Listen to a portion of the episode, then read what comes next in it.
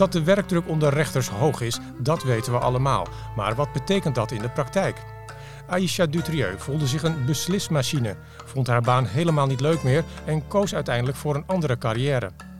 In deze aflevering van SSR Meestervertellers kijkt ze met Daan Langkamp terug op die periode. Over de hoge werkdruk wordt al jaren gesproken, maar volgens Dutrieu zou het goed zijn om nu eens te luisteren naar de oplossingen waar rechters zelf mee komen.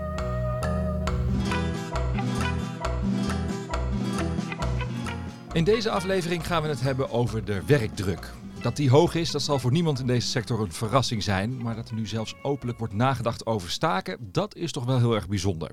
Aangeschoven is Aisha Dutrieu. Ze was rechter in Den Haag en tot februari 2023 bij de Centrale Raad van Beroep.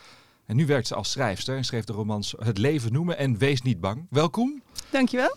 We gaan het natuurlijk hebben over die werkdruk en wat er ook tegen te doen. Um, want hoe erg is het gesteld met die werkdruk, om maar met de deur in huis te vallen? Ja, nou ik denk dat uh, inmiddels dat we er wel van uit kunnen gaan dat het vaststaat. Na tien jaar doen van onderzoek uh, telkens opnieuw en uh, daaruit blijkt telkens dat er zo'n 30 tot 50 procent zelfs geloof ik wordt overgewerkt door de meeste rechters.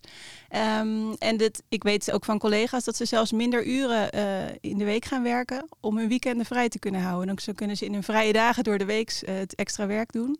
En dan zijn ze het weekend vrij.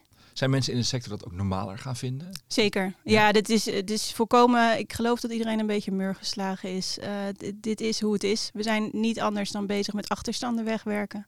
Zolang als ik rechter ben geweest, hebben de kasten volgelegen met zaken.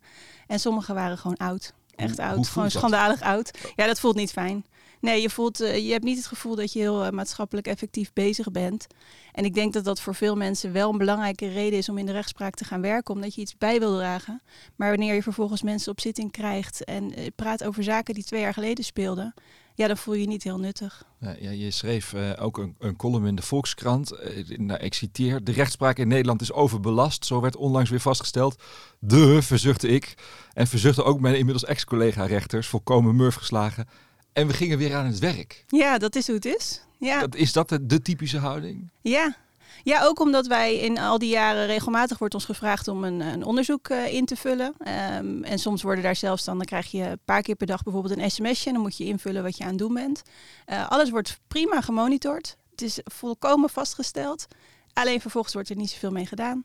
En ik geloof niet dat daar een soort uh, kwade genius achter zit. Um, maar meer uh, overheerst denk ik het gevoel dat we niet heel serieus genomen worden als staatsmacht. Want dat is wat de rechtspraak natuurlijk is. Um, maar je, ja, je hebt gewoon te weinig mensen, structureel. Eh, had jij daar ook veel last van? Want ik kan me voorstellen dat dat veel werkdruk meegeeft. En dat het ook misschien wel lichamelijke klachten meebrengt. Of eh, in, je hoofd, stressgevoel. Eh. Ja, nou dat heb ik wel gezien bij collega's. Uh, de burn-outs, nou, die kwamen natuurlijk ook in de rechtspraak voor. Ik heb ook wel gezien dat mensen er enigszins op andere manieren aan onderdoor gingen. Zelf heb ik eigenlijk een andere strategie bedacht. En dat is mezelf als een soort beslismachine te beschouwen. En zaken af te doen zonder al te veel persoonlijk me daarbij betrokken te voelen zonder al te veel te kijken naar wat doet dit in het leven van mensen. Maar gewoon de knoop doorhakken en door naar de volgende zaak. En daarbij vertrouwde ik ook heel erg op de, het uitzoekwerk wat de juridische ondersteuning verrichtte. Uh, dus zelf een jurisprudentie gaan zoeken en zo, ja, daar heb je gewoon geen tijd voor. Tenzij je je eigen tijd daaraan opoffert. Um, en op deze manier kreeg ik het voor elkaar om redelijk mijn werk op tijd af te hebben.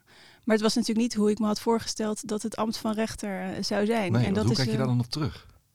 Nou, ik denk dat ik het me niet eens zo realiseerde. Ik, ik, ik, keek om me heen en zag iedereen ploeteren en dacht, nou ja, mij lukt het eigenlijk wel in, uh, in de tijd die ervoor staat.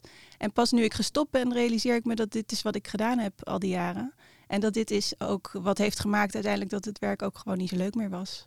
Ja, um, want was dit ook een van de redenen dat je wilde stoppen? Ja, kijk, bij mij speelde natuurlijk doorheen dat ik uh, boeken had geschreven en dat ik daar ook graag mee verder wilde. Dus ik had ook een soort uh, lonkend alternatief. Uh, maar ik denk dat als de rechtspraak een, een, nou ja, een leukere baan was gebleven of was geweest in de praktijk, dat ik zeker langer vol had gehouden en misschien ook wel gewoon de rest van mijn leven had willen doen.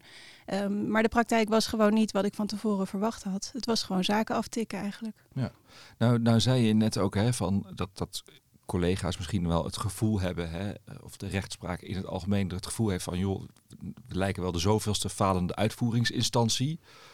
Um, of, of een, soort falende staatsmacht bijna. Kan je dat eens verder uitleggen? Um, nou ja, dat is het gevoel wat overheerst als je net als, uh, ja, ja, eigenlijk net als het UWV te maken krijgt met uh, bezuiniging na bezuiniging. En eigenlijk iedereen zijn schouders erover ophaalt op het moment dat rechters zelfs uh, dreigen met stakingen. Dat is onlangs weer gebeurd, maar dat is ook al een keer eerder gebeurd. Um, nou geloof ik wel dat er achter de schermen heel erg over gesproken wordt. Alleen op een gegeven moment geloof je gewoon niet meer dat het gaat veranderen. En dat maakt gewoon um, dat je het gevoel krijgt dat er van buiten naar gekeken wordt van ja, jullie moeten maar wat efficiënter gaan werken.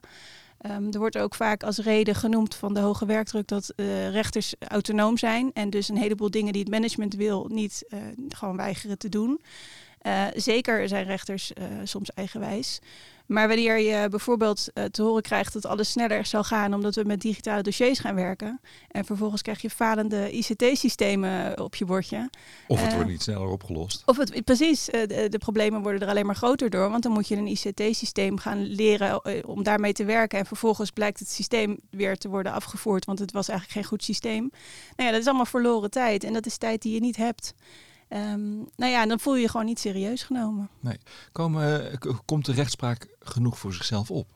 Nee, zeker niet. Nee, het is een, een beroepsgroep, denk ik, die zich naar buiten toe, toe überhaupt niet erg uh, profileert. Ik denk dat dat ook past bij het ambt en bij de mensen die er werken. Dat zijn niet per se mensen die heel erg naar buiten willen treden en vanuit hun onafhankelijkheid ook niet het gevoel hebben naar buiten te kunnen treden. Um, maar ik denk wel dat het inmiddels wel nodig is. En dan geloof ik niet eens zozeer in stakingen. Maar uh, daar werd laatst mee gedreigd. En vervolgens zitten er twee advocaten bij Khalid en Sophie uit te leggen hoe het met de werkdruk gesteld is in de rechtspraak.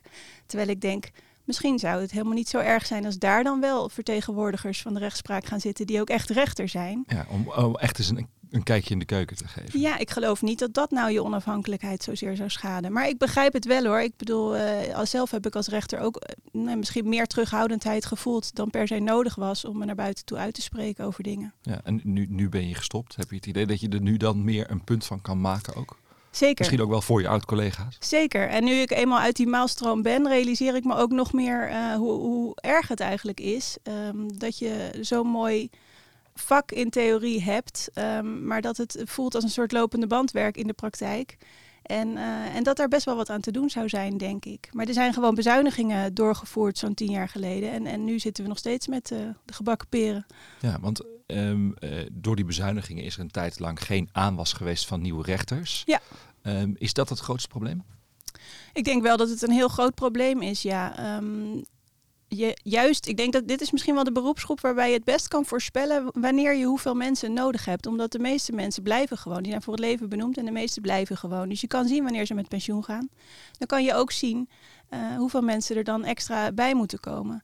Nou dachten de eerste twee kabinetten Rutte daar anders over. En die hebben de RIO-opleiding, uh, nou ja, eigenlijk gewoon ter ziele gedragen. Um, daar was het een en ander op aan te merken op die opleiding. En ik kan me voorstellen dat die, dat die wat duur was, maar die zorgde wel voor een gestage stroom aan, aan nieuwe rechters. Um, ja, en inmiddels uh, is het gewoon echt uh, aanpoten om nog meer rechters opgeleid te krijgen. Want inmiddels is dus wel duidelijk dat we er echt te weinig hebben en, en dat het ook alleen maar een groter probleem wordt. Ja, en die rechters moeten natuurlijk ook meelopen en, ja. en meekijken. Ja. dat, dat komt weer op het bordje van van rechters. rechters. die aan het werk zijn. Ja, per, per Rio, dan noem je tegenwoordig rechter in opleiding. Uh, die wordt opgeleid, zijn er twee opleiders aan verbonden. Dat zijn mensen die ook nog eens in het nieuwe systeem niet mogen oordelen over het functioneren van de Rio, maar alleen mogen waarnemen. Uh, een commissie gaat vervolgens oordelen, maar die heeft een Rio nooit zien optreden. Dus dat betekent dat die opleiders heel precies moeten opschrijven wat zij zien. Dat betekent dat ze ellenlange formulieren zitten in te vullen. En dat is tijd die ze niet hebben. Ja, dat komt er ook nog eens bij. Ja. Um, was je nou ook vaak zaken aan het doen als rechter waarvan je dacht, wat, wat zit ik hier nou eigenlijk te doen? Oh, zo vaak. Ja, ja. dat, is, dat is ook wel een groot uh, punt van ergernis. Um, als je nou enorme werkdruk hebt, uh, maar hele leuke zaken te doen krijgt, dan wil je het misschien ook nog wel accepteren. Uh, maar er zijn gewoon heel veel zaken waarin je gewoon aanvoelt, dit had opgelost kunnen worden. Bijvoorbeeld in een bezwarenprocedure, want ik spreek voor het bestuursrecht even op dit moment. Um, maar die bezwarenprocedures die zijn zijn gewoon niet zo goed meer tegenwoordig. Omdat die um, overheidsinstanties ook met allerlei bezuinigingen te maken hebben gehad. En die zetten gewoon de grootste lichten op de beroepsafdeling uh, beroep. Dus in, uh, in bezwaar wordt er helemaal niet zoveel meer afgevangen waar dat wel zou kunnen.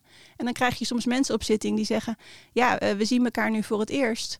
En dat is gewoon zonde, want ze hadden misschien in een eerder stadium met elkaar in overleg kunnen gaan. Je had, je had dat veel eerder je kan veel zaken al veel eerder afvangen, ja. moet ik je eigenlijk zeggen. Ja, zeker, zeker. En um, zou dat dan ook een oplossing kunnen zijn? Hè? Want de werkdruk ligt natuurlijk niet alleen bij de rechters, ook bij de juridische ondersteuning. Uh, um, dat daar meer mensen bij komen. Is, is dat de oplossing? Nou, dat zou ook helpen, ja. Als je een wat groter uh, nou ja, leger, zeg ik even, aan juridische ondersteuners zou hebben.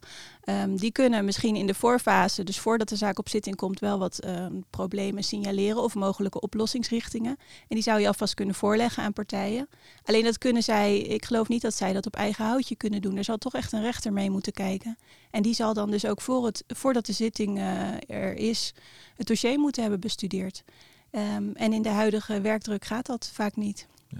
Nou, nou zijn er natuurlijk ook mensen die zeggen, ja, ik stap naar de rechter en, en, daar misschien ook wel heel makkelijk over nadenken als ze zich gekwetst voelen of wat dan ook. Kijk, de gang naar de rechter is natuurlijk een grondrecht, maar gaan mensen soms niet ook te makkelijk daarmee om? Ja, zeker. Het is een, uh, ik denk dat, dat genoeg mensen wel zien uh, hoe belangrijk het is om een goed functionerende rechtspraak uh, te hebben. Maar er zijn ook mensen die zien het als een soort service. Um, en ik heb ook mensen op zitting gehad uh, die als je vraagt van wat staat er nou eigenlijk op het spel, dat ze simpelweg zeggen ik wil dat een rechter mij gelijk geeft. En dan gaat het misschien over een paar tientjes. Of het gaat misschien over een, een besluit wat eigenlijk al lang niet meer echt aan de orde is. Omdat er nieuwe besluiten na zijn genomen. Maar ze willen dan toch horen dat ze destijds gelijk hadden. Um, ja, dat is gewoon enorm zonde natuurlijk van je capaciteit. Want daar zit dan uh, gewoon een heleboel geld in zo'n zittingszaal. Even platgeslagen naar uh, hoe je het voor de ja. maatschappij uh, ja. ziet. Er zit heel veel geld en die kijken naar een, een, dossier en denken ondertussen... hiervoor had ik een ander dossier kunnen behandelen... wat nu in de kast ligt te verstoffen. Ja. En daar waar echt iemand op een uitspraak zit te wachten. En, en zou dan een soort um, campagne om mensen daar bewuster van te maken kunnen helpen? Ja, maar ik denk dat uh, zo'n soort campagne toch uh, van buiten de rechtspraak moet komen. Ik denk zeker dat het kan helpen. Um, maar als rechter, uh, je toegang tot het, rechter, tot het recht, dat zei je zojuist ook al, dat is een grondrecht. Um, en en jullie zijn natuurlijk onafhankelijk, dus daar beslis je natuurlijk zijn onafhankelijk. Ja. Je mag als rechter ook zaken niet weigeren. Je hebt gewoon de zaken te behandelen die op je bordje komen. Dus om vanuit de rechtspraak uh, te gaan benoemen wat voor soort zaken je eigenlijk vindt dat niet bij een rechter zouden moeten komen. Ja, dat kan je natuurlijk niet doen. Maar ik denk wel dat er een soort overheidscampagne bijvoorbeeld zou kunnen komen. Waarin uh, nog eens benadrukt wordt wat het eigenlijk kost ook voor de maatschappij. Voor de hele maatschappij, ja. ja want iedereen heeft natuurlijk uh, al gouden mond vol over uh, belastingbetaler dit en belastingbetaler dat. Nou, ik denk als je het even gaat uitrekenen hoeveel uh, sommige van die zaken, bijvoorbeeld die die no cure no pay bureautjes aanspannen, wat dat kost per zaak. En wat het oplevert voor een burger. Ik denk dat dan iedereen direct zou roepen dat je die uh, bureautjes moet afschaffen. En dat is sowieso iets waar ik voor zou zijn. um, nog even terug naar die, naar die werkdruk. Want je, je, zou natuurlijk ook kunnen zeggen, ja, we trekken de portemonnee voor de, voor de sector. Uh, meer geld erbij. Kan je werkdruk afkopen? Nee, Nee, op dit moment gaat het er denk ik vooral om uh, dat rechters die al eigenlijk al jaren aan het ploeteren zijn, zich serieus genomen willen voelen. Dus dat betekent eigenlijk op dit moment de portemonnee trekken. Ja, dat heeft pas effect over een aantal jaren als er nieuwe rechters zijn opgeleid. Maar je zou wel uh, misschien andere maatregelen kunnen treffen en daarbij eens een keer echt naar de rechters luisteren. In plaats van uh, te roepen dat ze niet mee willen werken. Uh, omdat uh, juist vanwege die autonomie ze bijvoorbeeld niet meer mondeling uitspraak willen doen. Wat volgens managers heel veel tijd scheelt. Dat zal best. Maar dan moet je ze ook wel in staat stellen om voor een zitting goed naar een zaak te kijken. Want dan kan je ook mondeling uitspraak doen. Um, en er zijn meer van dat soort voorbeelden te noemen. Ik denk dat rechters je direct kunnen vertellen wat zou helpen. En luister daar eens naar. Ja. Dus hè, de, wat, je, wat je aan het begin zei, er worden allerlei onderzoeken gedaan waarin we al alles netjes aangeven hoe druk het is. Vraag ons ook eens naar de oplossingen. Ja. ja, ja, ja. Wat denk je? Komt het op termijn goed? Ik hoop het. Ja, ik, uh, ik ga het niet meer meemaken. Ik, uh, ik heb de stekker eruit getrokken. Uh, maar ik hoop het zeker voor mijn, voor mijn ex-collega's. Kijk, dat het hard werken zal blijven, dat is ook helemaal niet zo erg. Dat is, daar, daar teken je in wezen ook voor. Dat net weten mensen natuurlijk ook als ze dit gaan doen. Ja. Zeker, dat is ook helemaal niet erg. Maar als je wel het idee hebt dat je dan in die tijd nuttig werk aan het doen bent... en dat je op waarde geschat wordt door de maatschappij en door de politiek als staatsmacht... dat zou al heel veel uh, schelen. Ja, en ook voor, uh, voor je oud-collega's. Zeker, ja. ja. Heel goed, dankjewel. Aisha Dutrieu. Graag gedaan. Dit was SSR Meestervertellers. Blijf op de hoogte en abonneer je op deze podcast. Graag tot de volgende keer.